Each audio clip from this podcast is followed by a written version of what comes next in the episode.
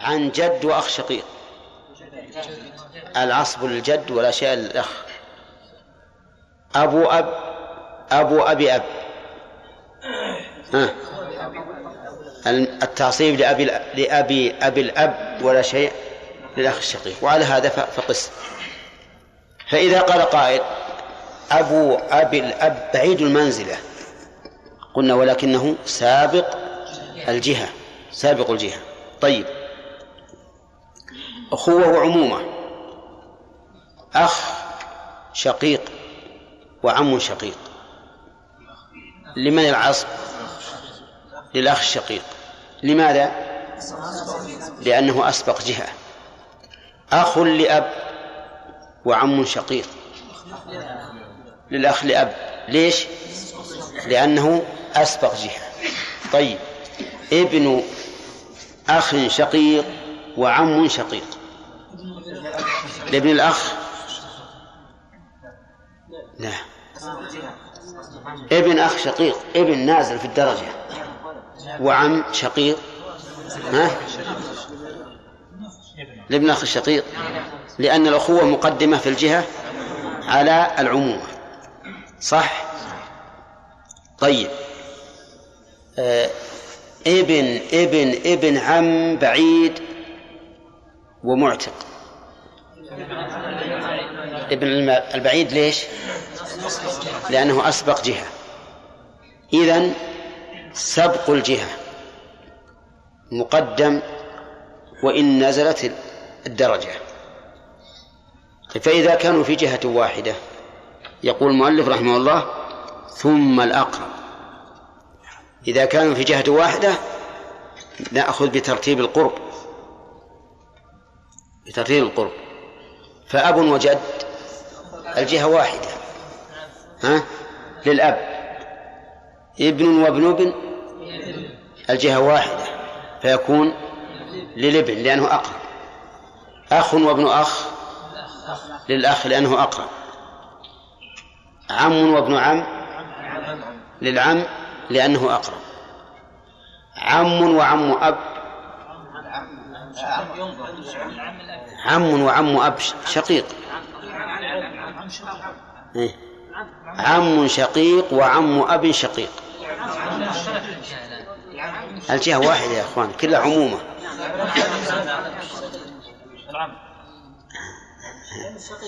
يا إخوان ما فهمت السؤال.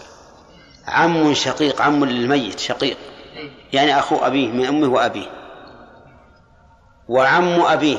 الشقيق. لأيهما؟ للعم الأول ولا الثاني؟ للأول. ليش؟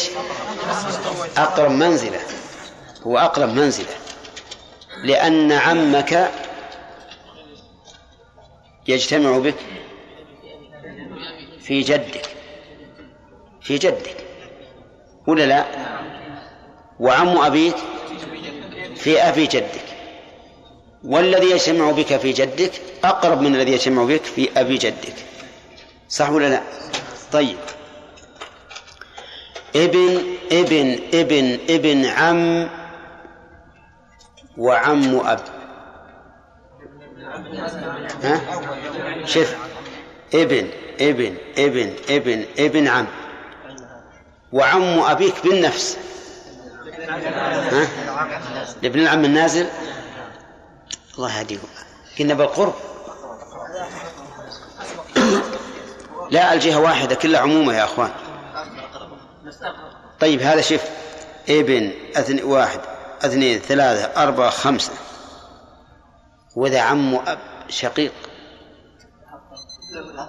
ها؟ أيهما أقرب؟ الأول؟ طيب. لماذا كان الأول؟ لأنه يدلي بمن يجتمع بك في الجد. ابن العم النازل هذا يدلي بمن يجتمع بك في الجد. وعم أبيك؟ ها؟ يجتمع بك بأبي أبيك. فإذا في العمومة من يجتمع بك في الجد الأقرب فهو أقرب منزلة. خذ القاعدة هذه. من يجتمع بك في الجد الأقرب فهو أقرب منزلة. طيب آه إذا قلت ابن ابن ابن ابن عم أب وعم جد. ابن عم الأباء النازل ليش؟ لأنه أقرب منزلة. لأن ابن ابن العم النازل هذا يجتمع بك في جدك. ابن ابن ابن عم أبيك. يجتمع بك في جدك. وعم جدك في أبي في أبي جدك. فيكون ذاك أقرب. والحاصل أن الأق... أن من يجتمع بك أولا في جدودك فهو أقرب إليك منزلة وإن بعد. لأننا نعتبر من أدلى به. فإذا أدلى بشخص أقرب إليك فهو أقرب منزلة أظن الله الأمر واضح الآن. طيب إذا تساووا في الدرجة وفي الجهة نرجع إلى القوة. نرجع إلى القوة. القوة تكون في العمومة والأخوة فقط. ما تكون في البنوة والأبوة. أو تكون؟ ما يمكن يكون ابن شقيق. ابن شقيق. ها؟ طيب ولا أب شقيق؟ إذن القوة إنما تكون في الأخوة والعمومة فقط. فإذا اجتمع ابن أخ شقيق وأخ لأب. انتبهوا للمثال. ابن أخ شقيق وأخ لأب. لمن؟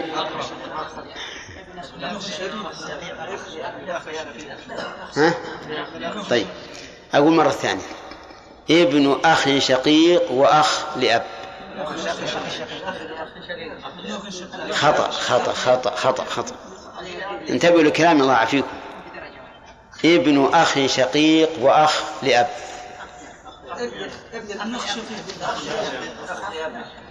نقول للذي يسألنا حرك أخ. حرك. فإذا قال ابن أخ شقيق وأخ لأب قلنا للأخ لأب. وإذا قال ابن أخ شقيق وأخ لأب قلنا لابن الأخ الشقيق. شوف شلون العربية. ها؟ طيب أعيد مرة ثانية. قال سأل السائل قال ما تقولون في ابن أخ شقيق وأخ لأب؟ أخ سكنها. أخ لأب. نقول حرك. حرك أخ. قال ابن أخ شقيق وأخ لأب. ماذا نقول؟ نقول للأخ لأب. ثم قال ابن أخ شقيق وأخ لأب. لابن الأخ الشقيق. لابن الأخ الشقيق. ها؟ ها؟ ما هو واحد لو قال أخ شقيق الله يبارك فيكم. أنتم افهموا الآن الحكم ونبين لكم العلة. طيب ثلاثة أوجه. قال ابن أخ إذا قال ابن أخ شقيق وأخ لأب. هذا مبهم. لازم نستفصل فقال ابن أخ شقيق وأخ لأب الوارث ابن أخ شقيق وأخ لأب. طيب نقول أخ لأب. فقال ابن أخ شقيق وأخ لأب.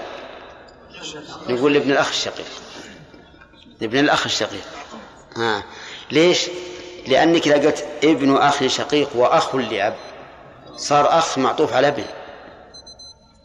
على ابن. وإذا اجتمع أخ وابن وابن أخ من الأقرب؟ ها؟ الأقرب منزلة الأخ.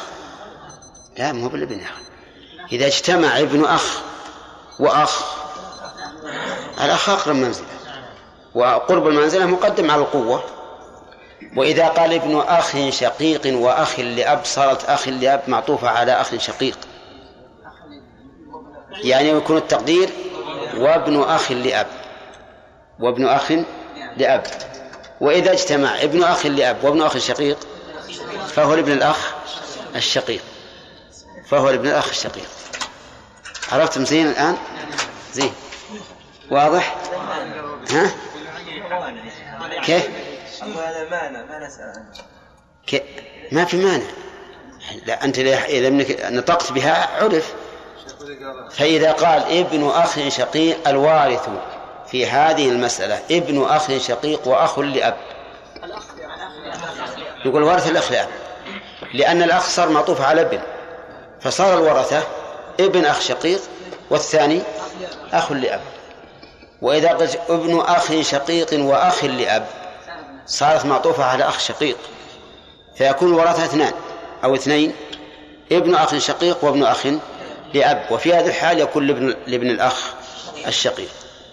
شوف الآن النحو وأنتم تهاونون بعض الأحيان بالنحو. نعم؟ طيب. انتهى الوقت ولا؟ طيب. ما هو ضابط القرب؟ هو القرب أحد أحد المراتب ما هو ضابط القرب؟ أسبق ها؟ الأسبق الأسبق جهة أسبق جهة؟ نعم. هو الذي يتصل بالميت اولا. صح. هو الذي يتصل بالميت أولا هذا القرب الأقرب هو الذي يتصل بالميت أولا كابن وابن ابن. ابن ألف. أن يتصل بالميت في أول درجة. ابن ابن وابن ابن ابن ابن الأول لأنه يتصل بالميت. بدرجتين وهذا بالثلاث أب وجد الأب. الأب لأنه يتصل بالميت. درجة. بدرجة واحدة. جد وأبو جد. الأول. جد. الأول لأنه يتصل بالميت بدرجتين طيب. أخ وابن أخ. الأخ. لأنه يتصل بالميت. ها؟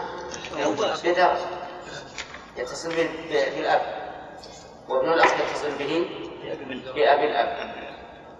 عم وابن العم. العم. لأنه يتصل بالميت بالجد. وابن إيه نعم بأول درجة. وابن العم؟ ثاني. بدرجتين كذا؟ عم أب وعم جد. عم الأب. عم الأب. وإن كان كل منهما يسمى عما لأنه لأن عم الجد عم الأب يتصل درجتين. يتصل في الميت بالجد أولا عم الأب ابن الجد. أو بأبي الجد. ابن نعم. يتصل بالجد الأعلى الذي هو أبو الأب نعم. عم الأب مو عمك أنت. عم أبيك. يتصل بك بأبي الجد.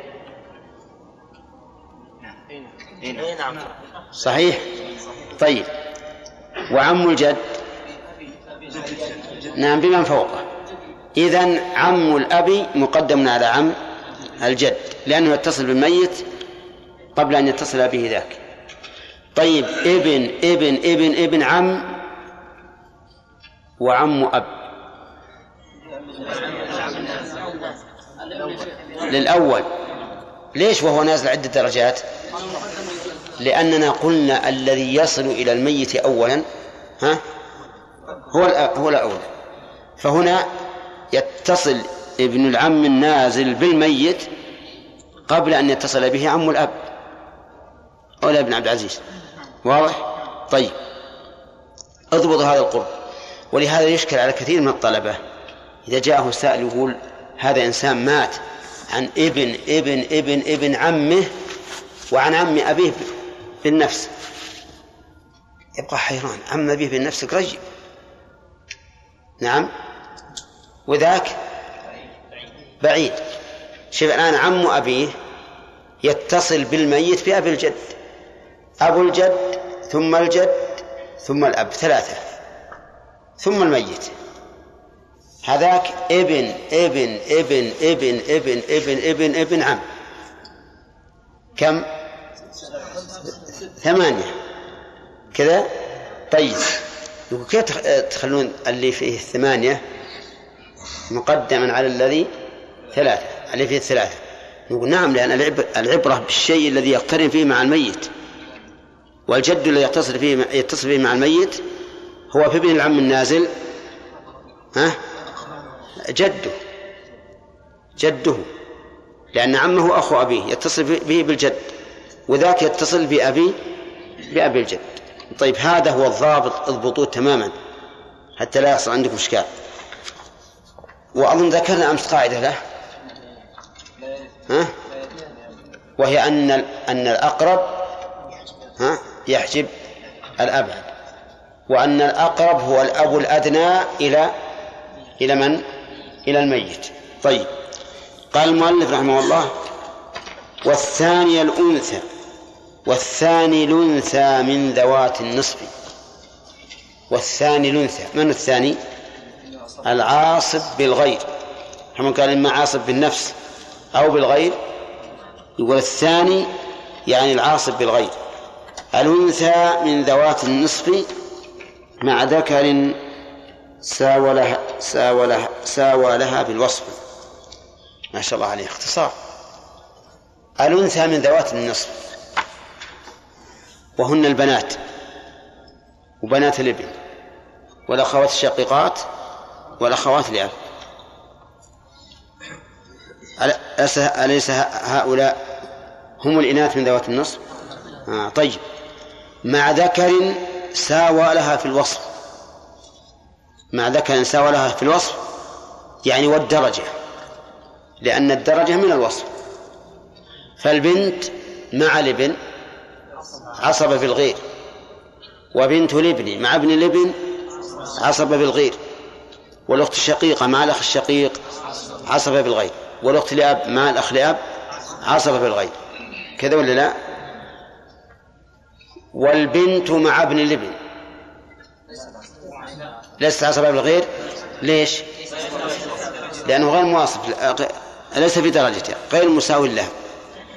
والأخت الشقيقة مع الأخ لأب غير عصبة بالغير ولا بالوصف. غير عصبة بالغير ولا وش هو بالوصف هذا. يعني أنت جيت بالعلة؟ هات الحكم قبل. طيب الأخت إيش؟ الشقيقة مع الأخ لأب ليست عصبة بالغير لأن أخ لأن هذا أخ لأب وهي أخت شقيقة فلم يساويها في الوصف. طيب إذن العاصب بالغير أربعة أصناف. البنات مع الأبناء بنات الإبن مع أبناء الإبن الأخوات الشقيقات مع الأخوة الأشقاء الأخوات لأب ها؟ مع الإخوة لأب طيب ما هو الدليل؟ قوله تعالى الدليل قوله تعالى يوصيكم الله في أولادكم للذكر مثل حظ الأنثيين. وهل قدر الميراث؟ ها؟ لا. للذكر مثل حظ الأنثيين. ما قال النصف والربع الخمس أو السدس ما قال شيء.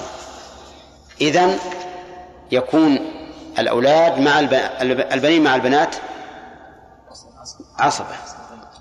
كذا ولا لا؟ عصبة بالغير وقال تعالى وإن كانوا إخوة رجالا ونساء فللذكر مثل حظ الأنثيين. إخوة من أشقة أو لأب.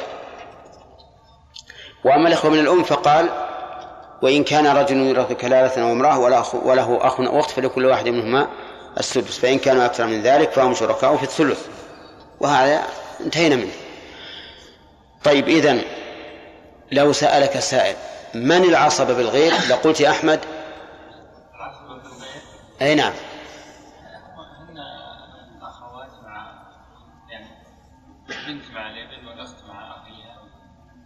هذا الكلام الأخوات ذوات النصف مع المساوي لهم أعطني إياهم بالتفصيل. يعني عادتين أي نعم. البنت مع أخيها لا. أخيها. ها مع أخيها. مع البنت مع الابن يعني. طيب أحسن أوضح. البنت مع الابن. زين. وال... والأخت الشقيقة مع الأخ اصبر اصبر قبل. ابدأ بالفروع. البنت مع الابن هذا الفروع. هذه واحد. وبنت الابن؟ مع ابن الابن. زين هذه اثنين. والأخت الشقيقة مع الأخ الشقيق نعم. والأخت لأب مع لأب صح؟ أربعة أصناف. البنات مع الأبناء. بنات الإبن مع أبناء الإبن. الأخوات الشقيقات مع الإخوة الأشقة. الأخوات لأب مع الإخوة لأب. أربعة أصناف. معروف هذا؟ طيب. هؤلاء أربع أصناف. يسميهم العلماء العصبة بالغير الباء في قوله بالغير هل هي للمصاحبة؟ ولا للسببية للسببية يعني العصبات اللاتي كنا كنا عصبة بسبب غيرهن لأن البنت لولا وجود الابن لصارت صاحبة فرض بنت الابن كذلك تكون إما صاحبة فرض ولا تسقط لولا وجود ابن الابن الأخت الشقيقة لو لولا وجود الأخ الشقيق ها؟ لا سقطت نعم لأخذت بالفرض قصد الأخت لولا الأخ لأب. لأخذت بصاح... لصارت صاحبة فرض ولهذا قالوا عصبة بالغير أي بسبب الغير. ثم قال مالك رحمه الله و أي أي خله. قال وبنت الابن بابن الابن الذي نزل ما لم تكن أهلا لفرض قد حصل. رحمه الله. لما قال مع ذكر ساوالها بالوصف. كأن سائلا سأل ما تقولون في بنتين وبنت ابن وابن ابن ابن؟ بنتين وبنت ابن وابن ابن ابن. نازل نازل ها؟ إذا أخذنا بقوله مع ذكر ساو- ساولها بالوصف فإنها تسقط لا يعصبها. فإنه لا يعصبها بل تسقط. لأن البنتين استغرقنا أو استغرقتا الثلثين فتسقط بنت الابن. لأن ابن الابن النازل إيش؟ غير مساو لها. ولهذا قال كأنه استثنى. قال وبنت الابن يعني ومن العصبة بالغير بنت الابن ابن الابن الذي نزل. الذي بمعنى؟ الذي. نعم. وهذه يستعملها ابن ابن مالك كثيرا. كقوله وجعل اللذ كاعتقد. نعم. طيب ابن الابن بنت الابن تكون عصبة بالغير مع ابن مع ابن الابن النازل بشرط ما لم تكن أهلا لفرض قد حصل فإن كانت أهلا لفرض فإنه لا يعصبها إن كانت أهلا لفرض لا يعصبها مثال ذلك هلك هالك عن بنت ابن وابن ابن ابن ليش؟ لأن صاحبة فرض هلك هالك عن بنت وبنت ابن وابن ابن ابن. لا يعصبها؟ ليش؟ لأن صاحبة فرض السدس. هلك هالك عن بنتين وبنت ابن وابن ابن ابن. يعصبها. ليش؟ لأنها ليست أهلا للفرض في هذا المثال. ولهذا استثنى قال وابن الابن وبنت الابن يعني ومن العصبة بالغير بنت الابن بابن الاب- بابن الابن الذي نزل ما لم تكن أهلا لفرض قد حصل. كذا ولا لا؟ طيب. الثالث الثالث الأخت لغير أم مع بنت أو أكثر يا ذا الفهم. الثالث وهم العصبة مع الغير. شوف وال وال والتعصيب بالمعية تعصيب بالمجاورة. بالمجاورة. فهمتم؟ العصبة بالغير يكون الإنسان عاصبا لكن بسبب غيره. أما هذا فيكون عاصبا بالمجاورة ولهذا قال قيل عصبة مع الغير. لماذا؟ لأن الأخوات بالسن مهم بعصبات دائما.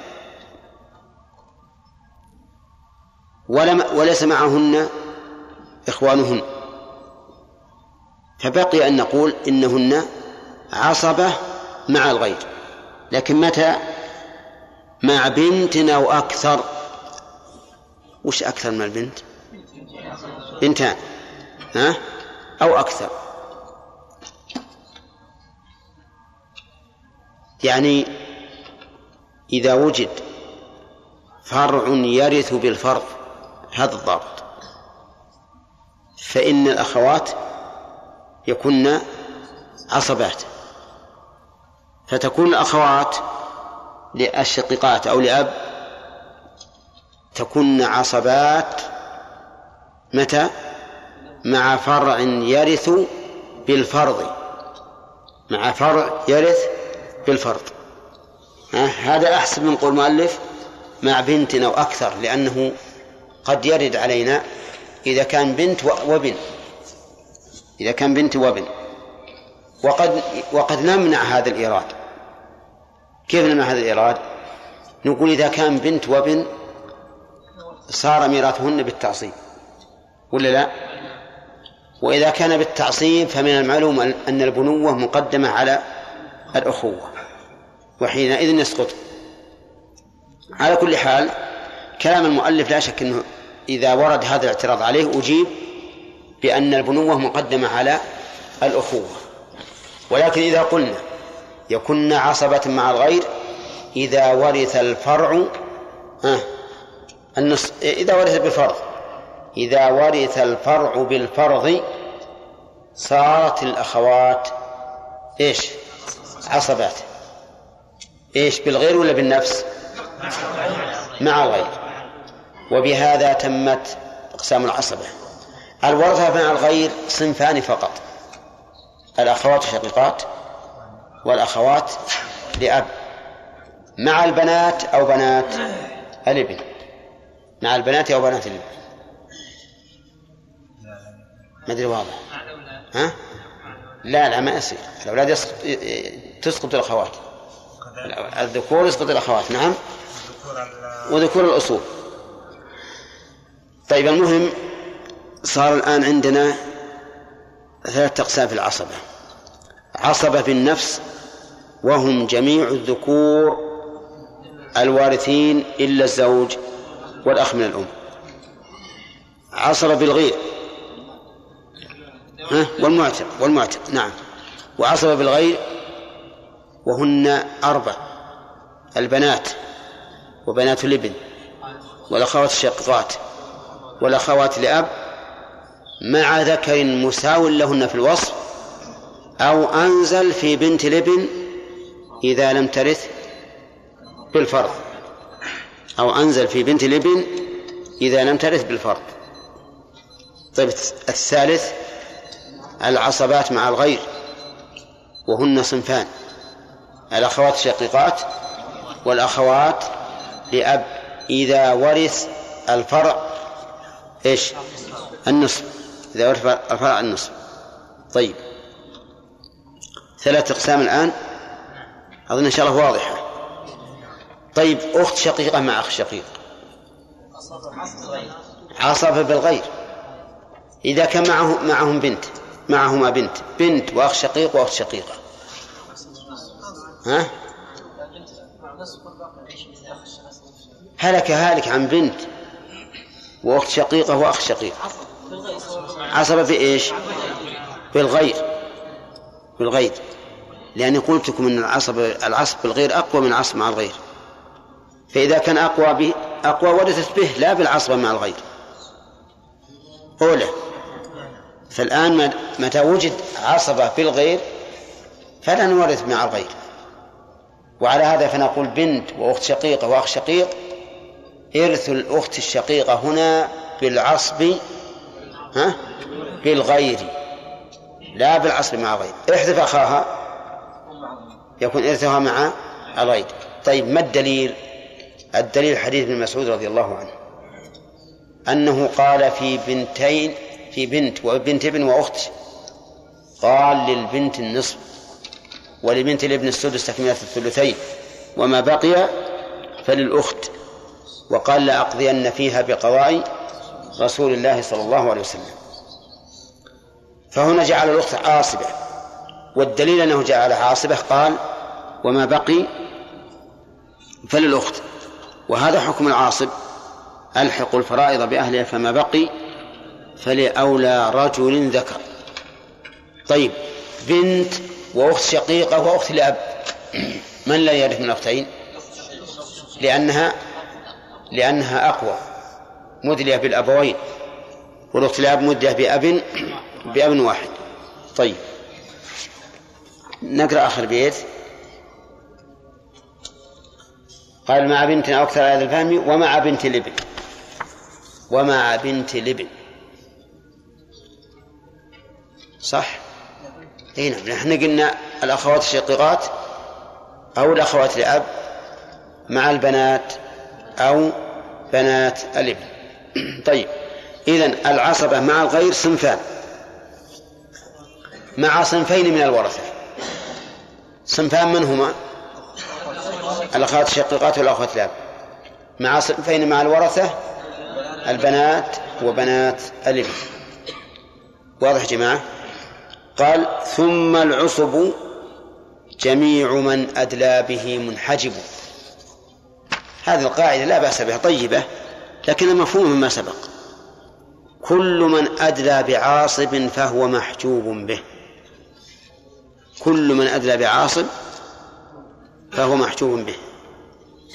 لكن يستثنى من ذلك على مذهب الحنابلة أم الأب وأم الجد. فإنهما مدليتان بالأب والجد ومع ذلك لا ينحجبان بوجود الأب أو وجود الجد. فتكون هذه القاعدة ليست على إطلاقها على القول الراجح لأن أم الأب ترث معه وهو عاصي وهي مدلية به. نعم لو قال المؤلف ثم العصب جميع من أدلى به منحجب إذا كان مثله. ها؟ وعلى هذا لو قال لو قال هكذا لصح. فمثل أبو الأب يحجب بالأب وأم الأب لا تحجب بالأب. فإذا هلك هالك عن أب وأم أب وأبي أب. وخلف ثلاثين مليون. إيه غني. ثلاثين مليون. كم لأم الأب؟ كم؟ خمسة ملايين. والباقي للأب. طيب الجد يقول ليش تعطون امرتي ولا تعطونه؟ ها؟ نقول الله أعلم. آباؤكم وأبناؤكم لا تدرون أيهم أقرب لكم نفعا. فريضة من الله. شوف امرته أخذت خمسة ملايين. وهو ما أخذ.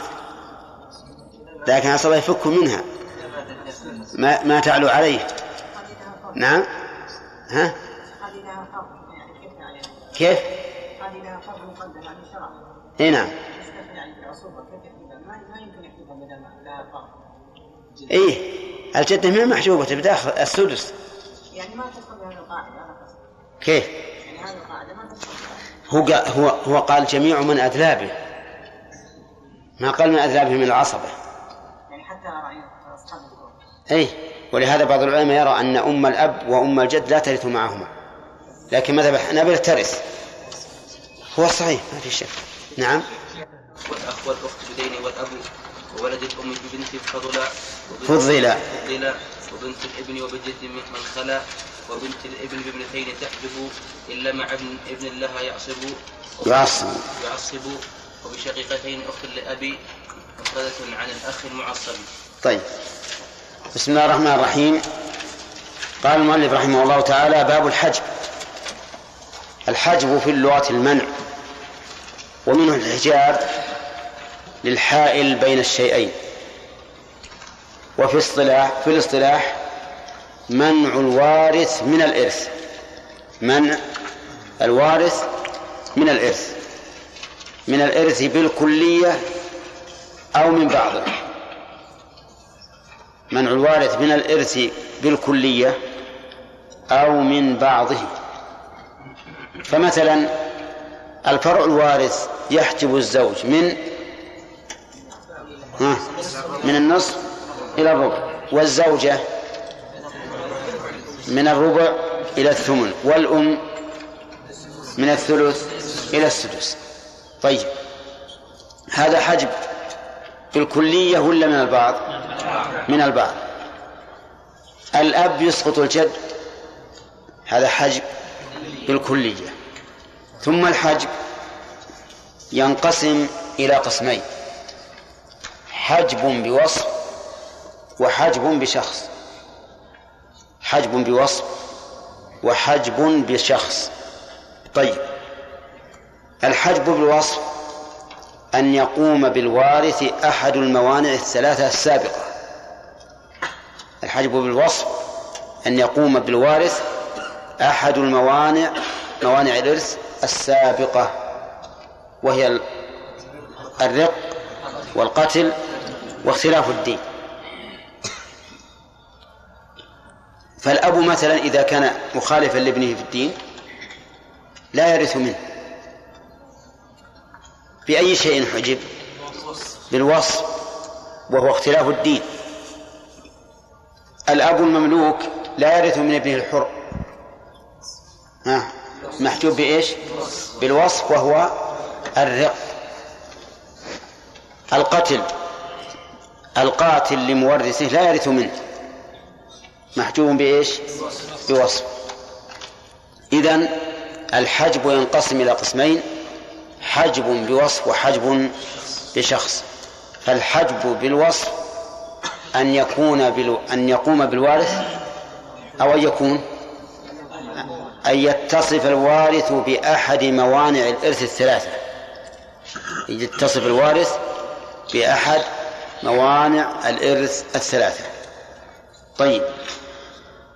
الحجب بالوصف المحجوب به وجوده كالعدم. وجوده كالعدم.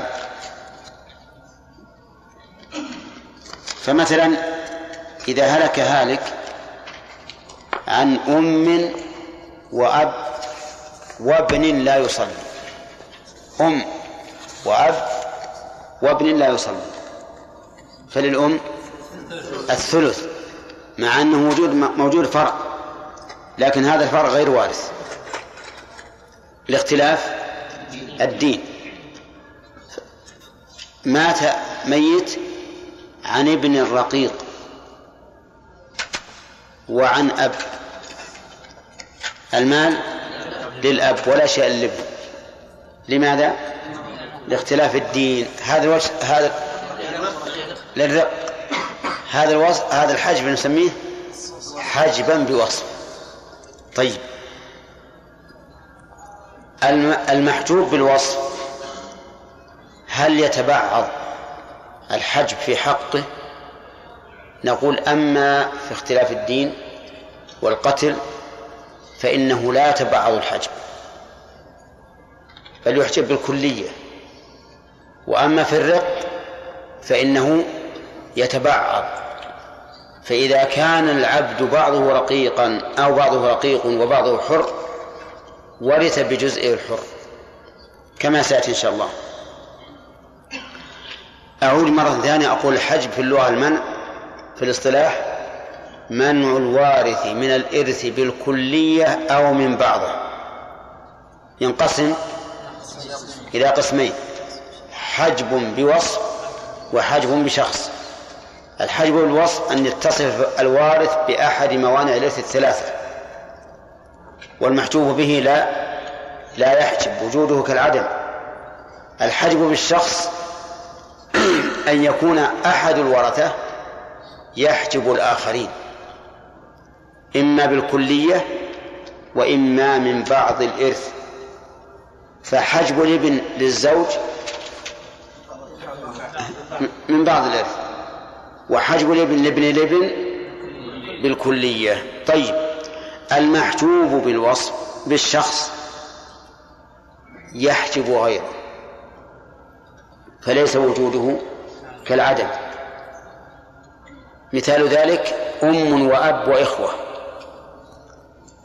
فالإخوة هنا محجوبون بمن؟ بالأب. حجب شخص أو حجب وصف. حجب شخص ومع ذلك يحجبون الأم من الثلث إلى السدس. على قول الراجح. وأنا أريد أن أعطيكم ضوابط في الحجب من أجل أن يحصل لكم الباب هذا لأن باب الحج مهم جدا في الفرائض. حتى قال بعض العلماء لا يحل لمن لا يعرف باب الحج أن يفتي في الفرائض. لماذا؟ لأنه قد يورث من لا يرث. قد يورث من لا يرث. ما ما يدري. فلا بد من باب من معرفة باب الحج. فأقول أولا استعمل الضوابط. سبق لنا في باب التعصيب. أنه يقدم في التعصيب من؟ الأسبق جهة. إذا فمن دونه محجوب. محجوب به. هذا واضح لكم. في باب التعصيب سبق أن العاصب الأسبق الأسبق جهة يحجب العاصب الذي دونه وأن الأقرب من العصبة يحجب الأبعد. وأن الأقوى يحجب الأضعف. أليس هكذا؟ خذوا هذا على حدة. بقينا في غير هذا الباب في غير باب التعصيب. نقول الورثة ثلاثة أقسام. أصول وفروع وحواشي. فنبدأ أولا بضابط الأصول. ضابط الأصول أن كل واحد من الأصول يحجب من فوقه إذا كان من جنسه. كل واحد من الأصول يحجب من فوقه إذا كان من جنسه. صح؟ طيب مثل الأب يحجب الجد والجد يحجب أبا الجد. وأبو الجد يحجب جد الجد وهكذا. والجد يحجب أم الجد. لا. كيف لا؟ ما هو الأب أقرب من أمه؟ لكن ليست من جنسه فلا يحجبها الأم تحجب الجدة. صح؟ لماذا؟ لأنها من جنسها. لأنها من جنسها. فتحجبها. أظن هذه قاعدة سهلة. في باب الأصول الآن. نعم. في باب الأصول. نقول الجد آه نعم. كل واحد من الأصول يحجب من فوقه إذا كان من جنسه. طيب. في باب الفروع كل واحد يحجب من تحته ولا من فوقه؟ ها؟ من تحته؟ إذا كان ذكرا. إذا كان الأعلى ذكرا. أي كل ذكر يحجب من تحته. هذا في باب الفروع. كل ذكر يحجب من تحته. ضابط لا ولا لا؟ أيضا ضابط واضح. سواء كان من جنسه أم من غير جنسه. فالابن يحجب ابن الابن ويحجب بنت الابن والبنت ما تحجب؟ لأن لأن قلنا في الضابط ها؟ كل ذكر يحجب من تحته. انتهينا الآن من الأصول والفروع. الضابط في الأصول يا كل ذكر كل كل أصل يحجب من فوق إذا كان من جنس كل واحد. إذا كان من جنسه؟ شرط. مو شرط إذا كان من جنسه. نعم طيب. هل الأب يحجب أمه؟ لماذا؟ الأم تحجب أم الأب؟ الأب. هنا ليست أصلا ما هي أصل له إيه ما أصل له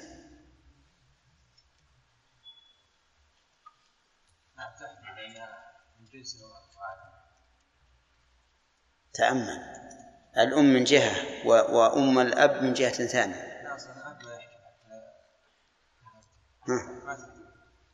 لا تحجبها تحكي. لأن الأب لا يحجبها نعم. تحجب أم أم الأب هي ما أدرت بها أم الأب أدرت بالأب ما لكنها هي قر- قربة هي أقرب يعني وش تقول؟ ها؟ تعجبها؟ إيه هذا طبق القاعدة يا أخي كل واحد يحجب ما فوقه إذا كان من جنسه أيما أقرب الأم ولا أم الأب؟ ها؟ الأم أقرب إذن ال- الجدة فوق الأم عرفت؟ طيب بنت وبنت ابن هل تحجبها البنت؟ تحجبها البنت ولا لا؟ وبنت ابن تأكد وش الضابط؟ في الفروع أن كل ذكر يحجب بس بدون شيء أن كل ذكر يحجب من تحته واللي معنا الآن بنت وبنت ابن هل البنت ذكر؟ إذا البنت لا تحجب بنت الابن طيب تحجب ابن الابن؟ ليش؟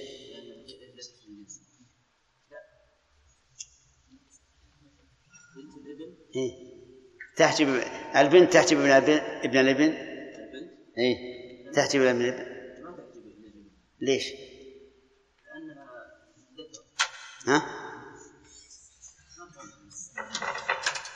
طيب بنت هذا إنسان مات عن بنت وعن ابن ابن فهل تحجب البنت ابن الابن؟ ليش؟ مو تحتها؟ حتى لأنها لأنها يسمع يسمع بكم حفظ إيه لكن لو قال لك أنت الضابط ال- في ذكر آه أحسنت. لأن كل ذكر. نحن قلنا في الضابط انتبهوا للتطبيق يا جماعة. قلنا في الضابط إيش؟ كل ذكر يحجب من تحته. هذه ما هي ذكر. إذا ما تحجب بنت الابن ولا تحجب ابن الابن طيب إذا قلنا الأخ أحمد إذا قلنا ابن ابن وابن ابن ابن. ها؟ يحجبه؟ وأعلى منه. طيب. ابن ابن. وبنت ابن ابن.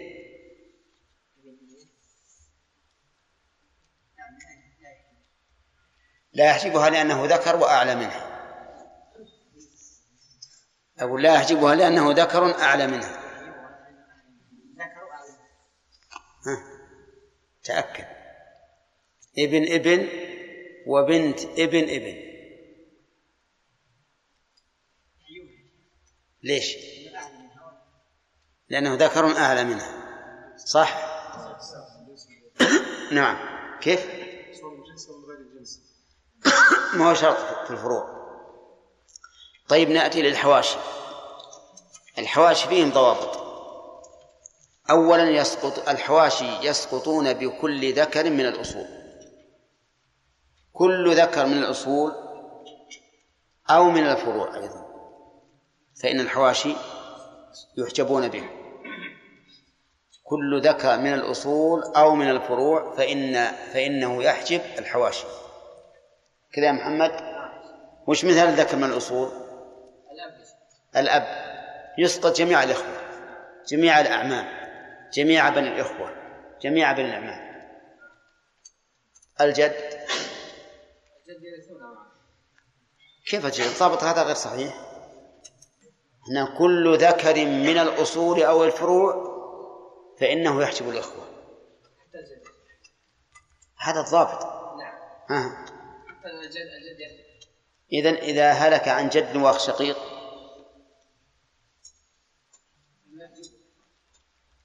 يحجب الأخ الشقيق. الضابط أنا الآن نريد أن نطبق على الضابط. ضابط هو ذكر من يحجب يحجب من يحجب جميع الحواشي. طيب أحسن. إذا يحجب الجد من قبل الأب يحجب الإخوة. طيب ابن محمد الشميمري. ابن وأخ. ها؟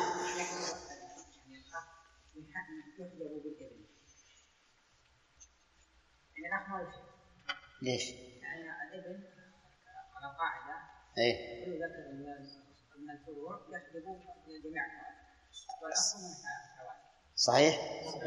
نعم عندك شيء؟ ها؟ عندك معارضة؟ أنت ابن وأخ شقيق لا يحجب الإبن لأنه ليس من الأصول لا أنا أقصد هل الإبن يحجب الأخ ولا لا؟ لماذا؟ ما هو قلنا كل ذكر من الأصول أو الفروع. يحجب الإخوة يحجب الحواشي كلهم. واضح؟ طيب.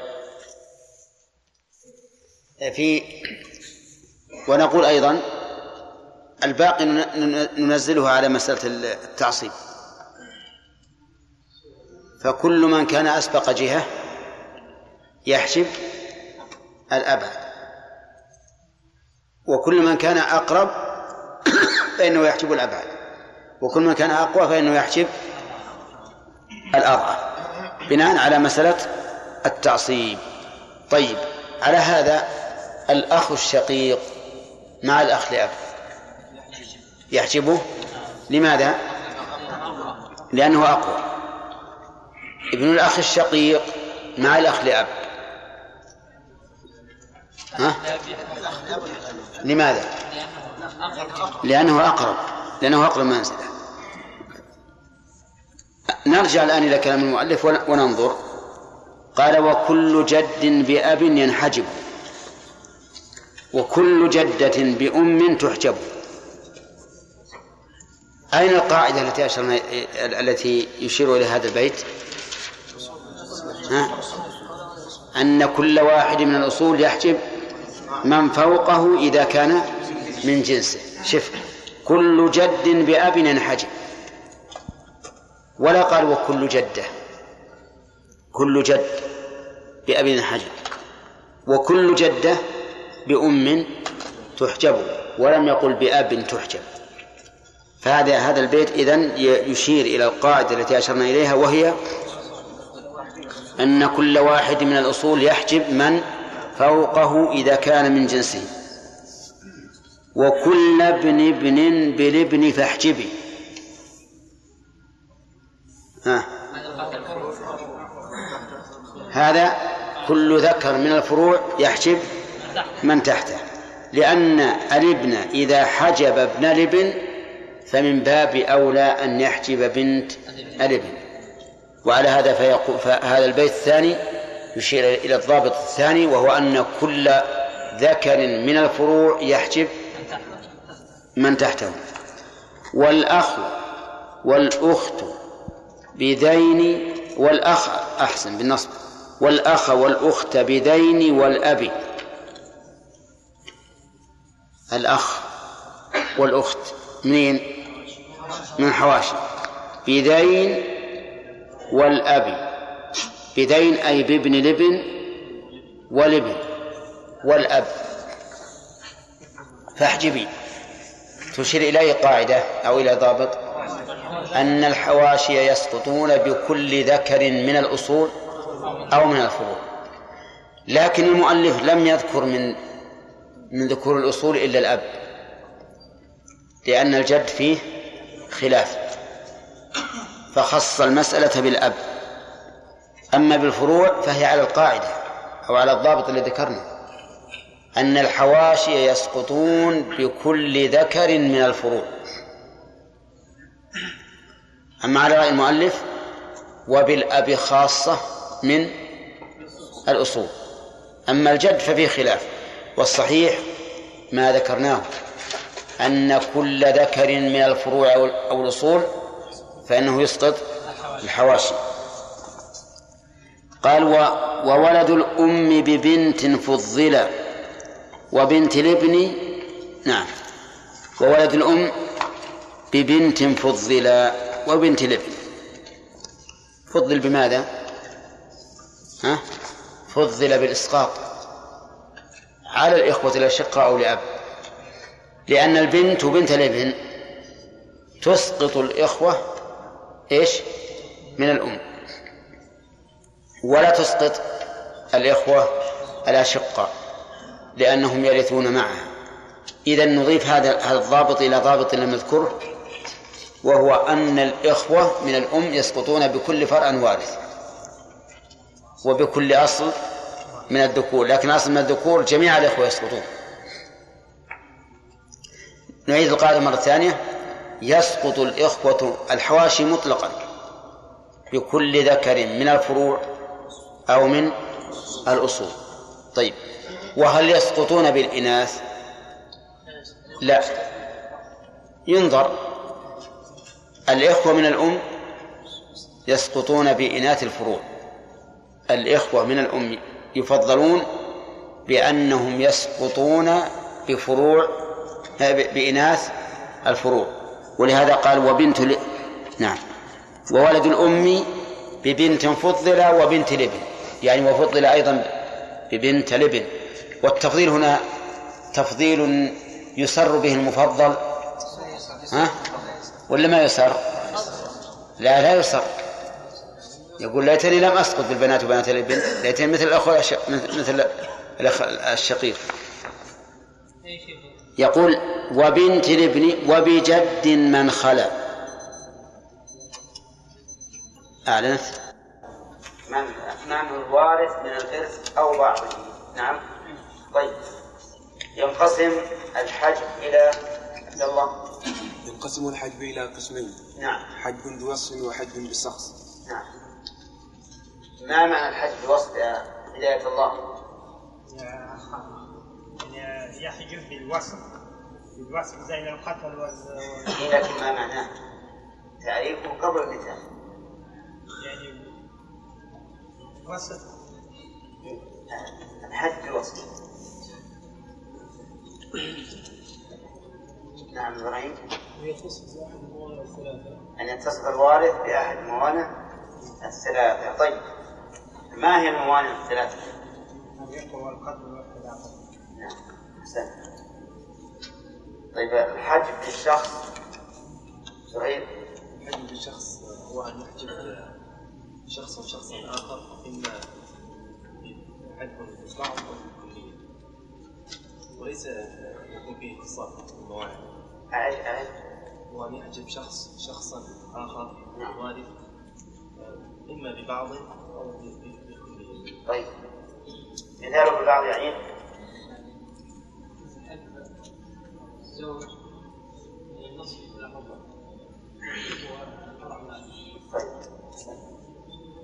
هو مثال ثاني. حجب الأم بالجد حجب الأم من الجد لأن هذا حجب بالكل طيب ذكرنا أن الفرق بين حجب الوصف وحجب الشخص هو خالد أن وجود أنت.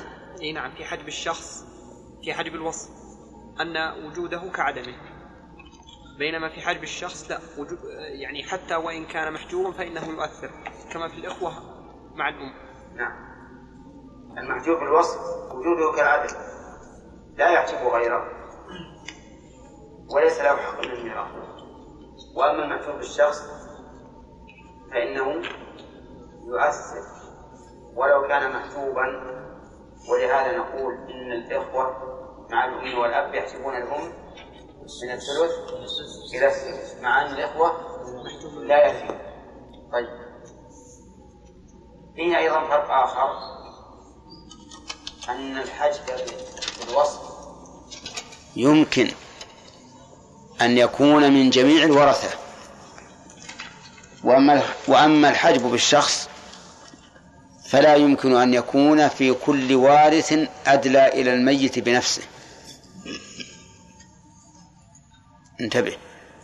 الحجب بالوصف يمكن أن يكون من لجميع الورثة وأما الحجب بالشخص فلن يكون في الورثة الذين يدلون إلى الميت بلا واسطة. فمثلا الحجب يعني للشخص. هل يمكن أن يقع على الزوج؟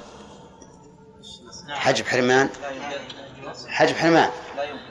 بالشخص الزوج لا يمكن أن يحجب أبدا حجب حرمان. على الأم؟ لا. على الأب؟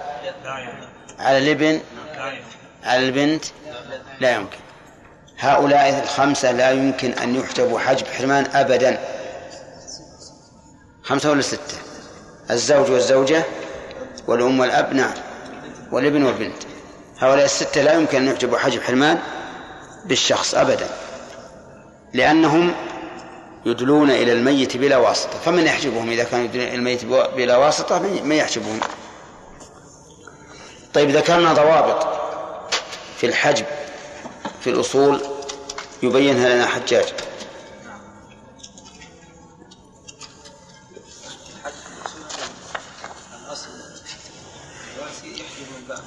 كيف؟ الأصل الوارث من مم. يحجب من من دونه. الوارث من الذكور؟ يحجب يحجب الأم والأم لا تحجب لا يا أخي. نعم. كل رجل من الأصول يحجب فوقه من أحسنت. هذا في الأصول. كل وارث من الأصول يحجب من فوقه إذا كان من جنسه. عبد الرحمن بن داود حتى وإن كان أنثى. كيف ما سمعت؟ وين روحت؟ يعني فالأم تحجب الجدة. آه. طيب هل يحجب الأب أمه عمر؟ لماذا؟ لأنها ليست من جنسه فلا يحجبها. طيب في الفروع ذكرنا أيضا قواعد أو ضوابط نعم. كل ذكر آه، يحجب من تحته سواء كان من جنسه أو من غير جنسه نعم. كل ذكر. يحجب من تحته. ولا يمكن أن نقول كل وارث يحجب من تحته إذا كان من جنسه؟ كما قلنا في الأصول لابد أن يكون ذكرا طيب لماذا؟ لأنه لو وجد بنت وبنت ابن ها؟ فإنها لا تحجبها واضح؟ طيب إذا نقول كل ذكر من الفروع يحجب من تحته سواء كان من جنسه أو من غير جنسه فالابن يحجب بنت الابن ويحجب ابن الابن وابن الابن يحجب ابن ابن ابن وبنت ابن ابن لأنه فوقها. لأنه فوقها فيحجبها. نعم. طيب في في باب الحواشي. نعم.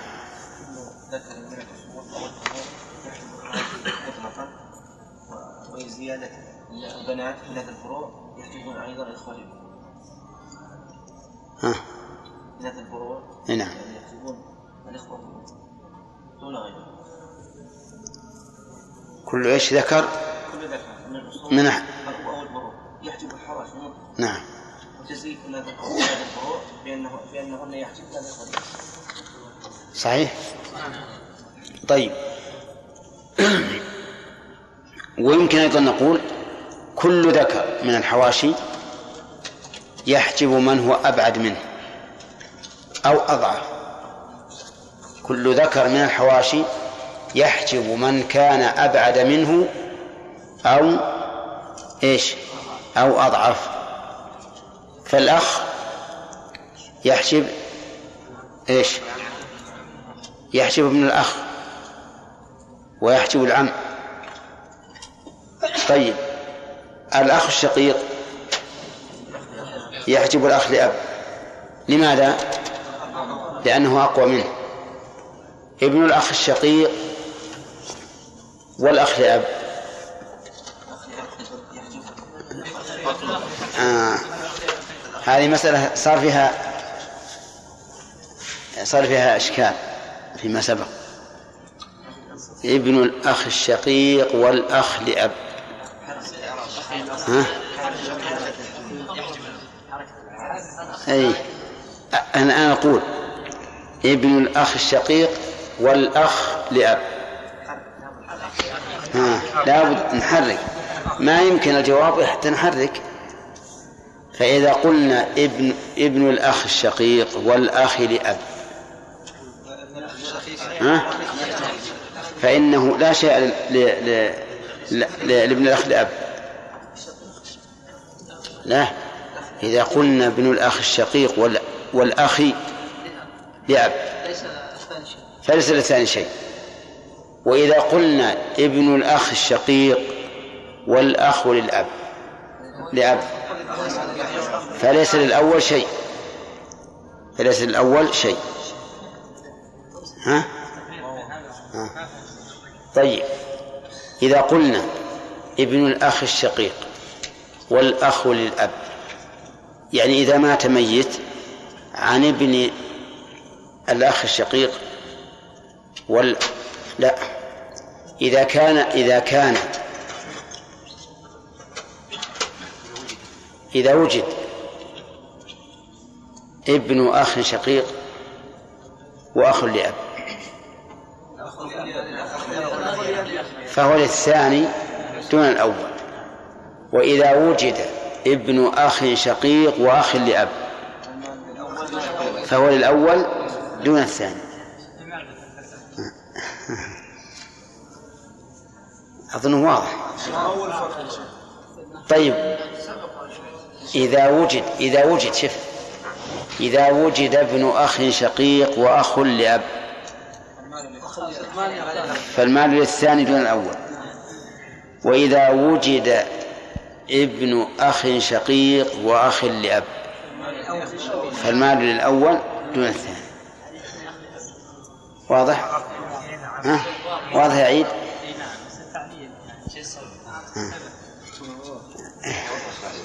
لا لا ما أعرف السبب. اسمع اللفظ الآن. إذا وجد ابن أخ شقيق وأخ لأب. فالمال للثاني إذا وجد ابن أخ شقيق وأخ لأب. فالمال للأول تمام؟ زين. واضح؟ ها؟ واضح ولا لا عيد؟ اذا كان بالكسر المال الأول اذا كان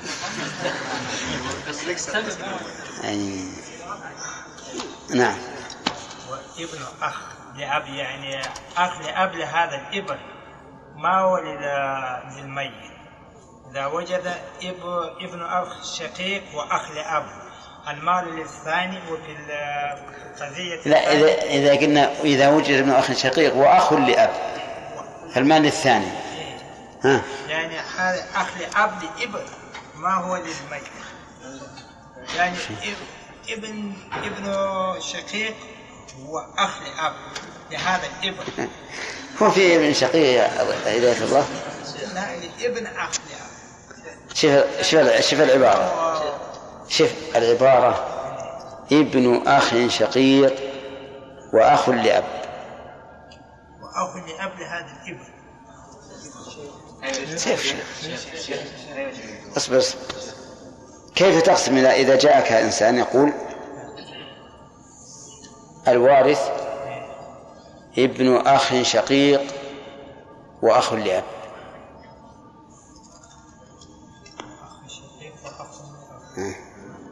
أصبر يا شيبة وأخ لأب يعني ها؟ هذا الأخ من إبن. يعني إبن إبن لأخ شقيق. وابن وهذا الإبن مع أخ لأب. لا أنا قلت لك أخ لأب ابن أخ شقيق وأخ لأب. ما ما في هذا ترى مرت يا جماعة. زين. يلا وجهها يا عبد الرحمن. يعني بالكسر أن المحذوف أن المعطوف ابن ال- الأخ. الأب. يعني ابن ابن أخ شقيق وأخ لأب. محذوف الابن. يكون المال لابن الأخ الشقيق يعني التقدير ابن أخ شقيق وابن أخ لأب. فهنا المال ابن أخ شقيق. أما على قراءة الرفع يكون يكون موجود ابن أخ شقيق وأخ لأب. ومعلوم أن الأخ لأب مقدم لأنه أقرب منزلة. طيب وإذا وإذا قيل هلك هالك عن عم شقيق وعم لأب. مثال أظن عندك؟ يرث العم الشقيق. ها؟ يرث العم الشقيق؟ لماذا؟ لأنه أقوى. فيجي بأبويه نعم. والعم لأب يجي بأب طيب. ظاهر إن شاء الله إنه واضح. من باقي الآن عندنا؟ شرح نكمل الباب يعني؟ طيب. ثم قال المؤلف رحمه الله وب... وبنت الابن. وولد الأم ببنت فضلا وبنت الابن يعني أنه يسقط بالبنت وبنت الابن الأخ لأم خاصة يسقط بإناث الفروض البنت وبنت الابن و... و... وبجد من خلا. يعني ويسقط بجد من خلا يعني من من مضى. من يعني بالج... ب... الذي يسقط بالجد؟ الأخ لأم. يسقط بالجد. أما الأخ الشقيق أو لأب فهو على كلام. فسيأتي في كلام المؤلف إن شاء الله تعالى بيان الخلاف في ذلك. وبنت الابن بابنتين تحجب. بنت الابن تحجب بالبنتين. لماذا؟ لاستغراقهما الثلثين. طيب بنت بنت بنت الابن تحجب ببنتي إيش؟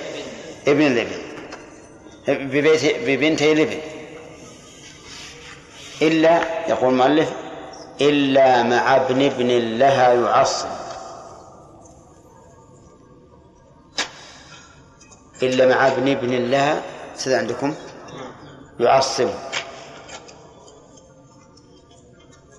وصورة المسألة. أن يهلك إنسان عن ابنتين وبنت ابن. فللبنتين الثلثان وبنت الابن تسقط.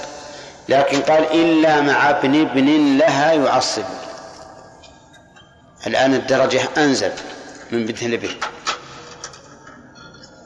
وإنما جاء بذلك المؤلف لأنه إذا كان ابن الابن بدرجتها كان معصبا لها بلا إشكال.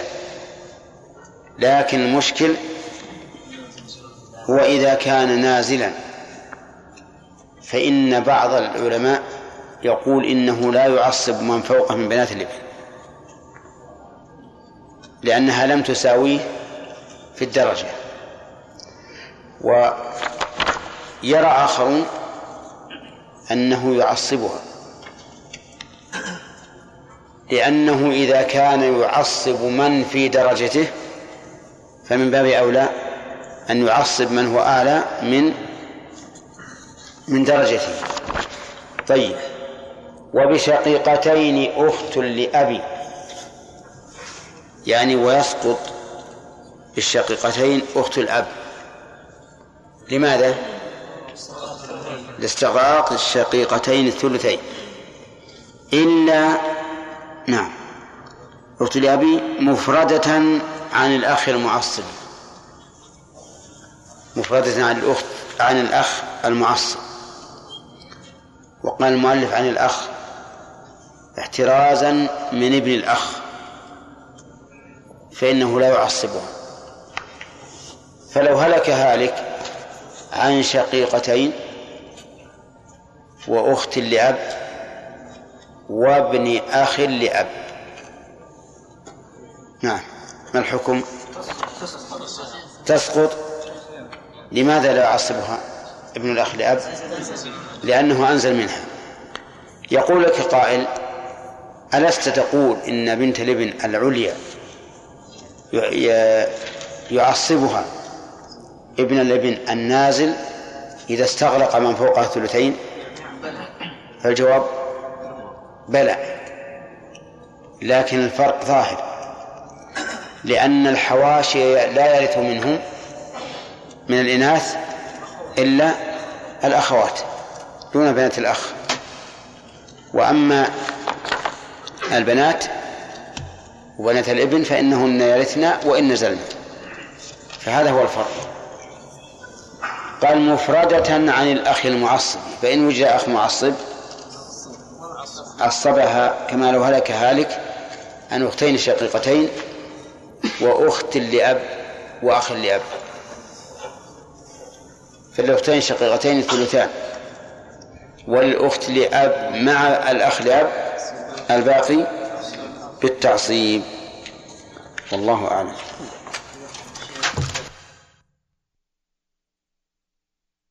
وإن مع الزوج وأم وإن, وإن مع الزوج وأم تصب عصب أولاد أم مع شقيق عصبي فاجعلهم مع أولاد أم أم شركة. أم. أم شركة. أم شركة. أم شركة.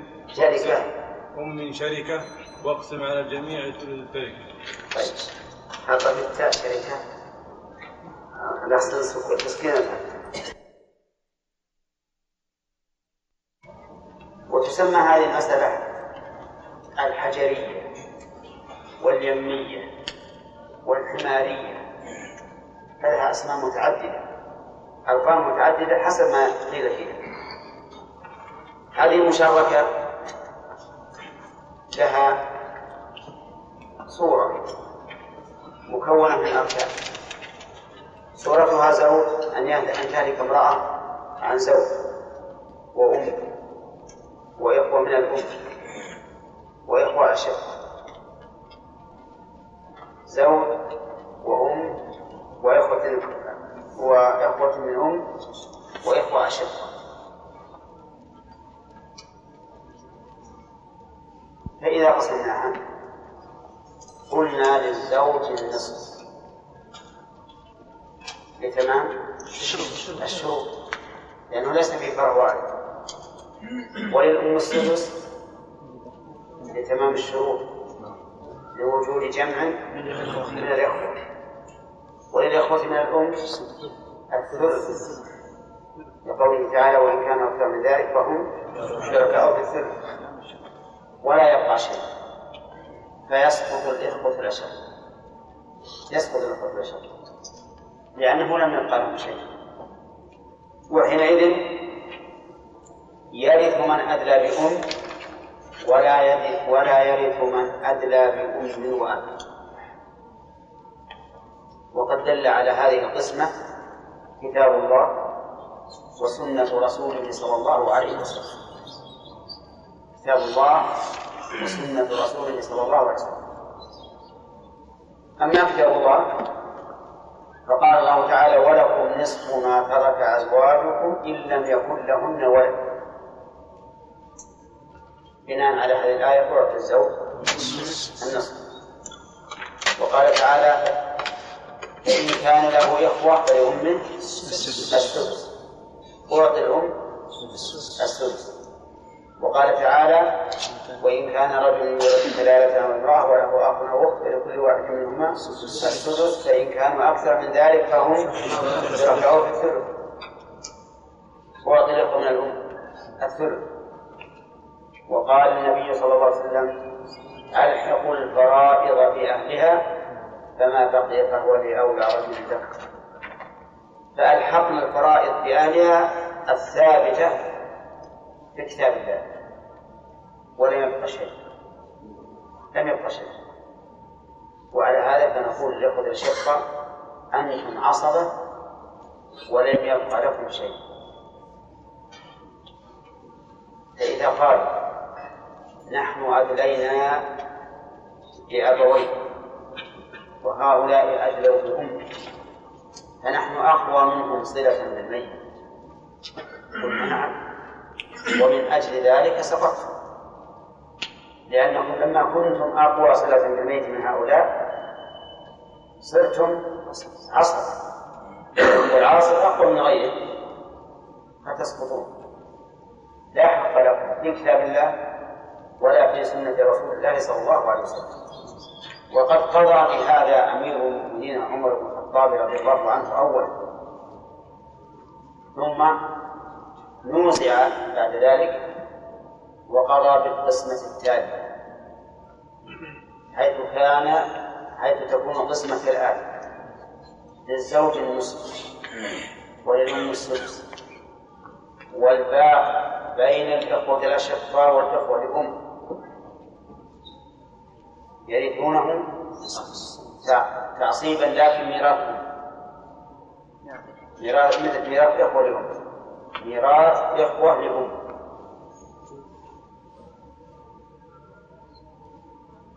ولكن لا شك أن هذا خلاف الكتاب والسنة والقياس. أما الكتاب والسنة فقد دل كما علمتم أنه لا ميراث للإخوة البشر.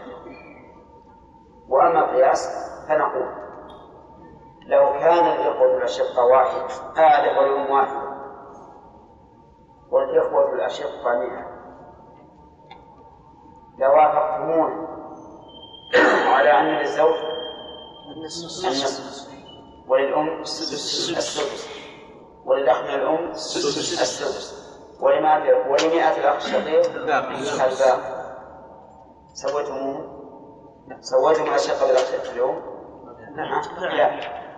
ما سويتم هذا واحد أخذ السدس. وهؤلاء مئة؟ أخذوا السدس. ما أخذوا إلا واحد. فلم تسووا. لأنه لأنكم لو سويتموهم لقسمتم الاثنين الباقيين على مئة واحد. فدل ذلك على التناقض. في هذا القول مع مخالفته للكتاب والسنة وأن الصواب ما ذهب إليه الإمام أحمد أن الإخوة الأشقاء هنا يسقطون. ثم نقول أرأيتم أيها الأخوان الشقيقان بل أرأيتما أيها الأخوان الشقيقان لو كان بدلكما أو لو كان بدلكما أختان شقيقتان. فإنه يفرض لهما الثلثان يفرض لهما الثلثان وهل يشاركهما الإخوة من الأم؟ لا. لا. لماذا تعاملون الإخوة الأم؟ بالأشد. ولا تعاملون الآخرين بالأشد. فصارت المشاركة الآن أركانها كم؟ أربعة. أربعة.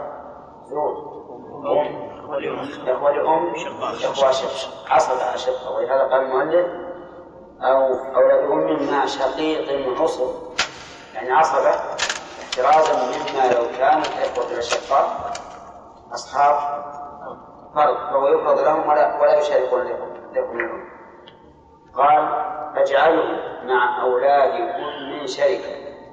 اجعله يعني الشقيق العاصب مع أولاد أم شركة يعني مشاركا لهم يكون كأخ واحد منهم. واقسم على الجميع. ثلث التركة من يريد الجميع؟ والإخوة. الأم طيب فإن كان بدل الإخوة الأشقاء إخوة لأب اختل ركن اختل ركن نعم. اختل ركن اختل ركن وعلى هذا فلا تقسم هذا- هذه القسمة بل نقول الإخوة لأب يسقطون بالإجماع. لأنهم يدلون بالأب فقط وهؤلاء يدلون بالأم فقط. طيب. لو كان بدل الأم جدة. بدل الأم جدة. لا حكم واحد ليش؟ لأن الأم لأن الجدة في هذا المثال الأم في هذا المثال تأخذ ما تأخذ الجدة السدس وعلى هذا فيكون للمشركة صورتان. صورة مع الأم وصورة مع الجدة كذا طيب. لو كان بدل الزوج زوج فلا يقسم فلا تقسم قسمة المشركة بل نقول لزوجها الربع وللأم السدس وللإخوة من الأم الثلث والباقي للإخوة الأشقاء واضح؟ طيب. انتهت المشركة فصار للمشركة صورتان ولها أربعة أركان. ثم قال باب ميراث الجد والإخوة. وما أدراك ما الجد والإخوة. الجد والإخوة. ميراثهم إما سهل مطلقا وإما صعب مطلقا. ما في وسط. سهل مطلقا على القول الراجح الصحيح. وهو أن الجد يسقط الإخوة مطلقا. صعب على القول بالتوريث. أي بتوريث الإخوة لغير أم مع الجد. والمراد بالجد هنا الجد الذي ليس بينه وبين الميت أنثى. كأبي الأب وأبي أبي الأب وأبي أبي الأم. صح؟ أبي أبي الأم. ها؟ هذا لا ليس يدخل معنا. لماذا؟ لأنه غير وارث لكونه بينه وبين الميت أنثى. طيب ويسميها الأخ هداية الله؟ أي أحسنت. الجد المحروم. وكان بالأول يسميها الجد الفاسد الله يصلحه. نعم. طيب. على كل حال المراد بالجد هنا الجد الذي ليس بينه وبين الميت أنثى. عرفتم؟ الإخوة المراد بهم أشقة أو لأب. أما الإخوة لأم فلا ميراث لهم مع الجد. ولو كان جدا ليس بينه وبين الميت أنثى. إذن عندنا جدان. ونوع من الإخوة. نعم جدان وإخوة على نوعين. الجدان جد لا عبرة به وهو من بينه وبين الميت أنثى ولا يرث. وال- والنوعان من الإخوة إخوة من الأم فهؤلاء لا يرثون مع الجد. وإخوة أشقة أو لأب فهؤلاء يرثون. والسمع أحوال جد من أب مع إخوة لغير أم خمسة بالعدة. أحوال جد من أب. احترازا من الجد من الأم. ليش الجد من الأم؟ لأنه لا يرث حيث إن بينه وبين الميت أنثى. فأبو أم لا يرث. وأبو أب؟ نعم يرث. والمراد هنا المراد هذا أبو الأب. وقول مع إخوة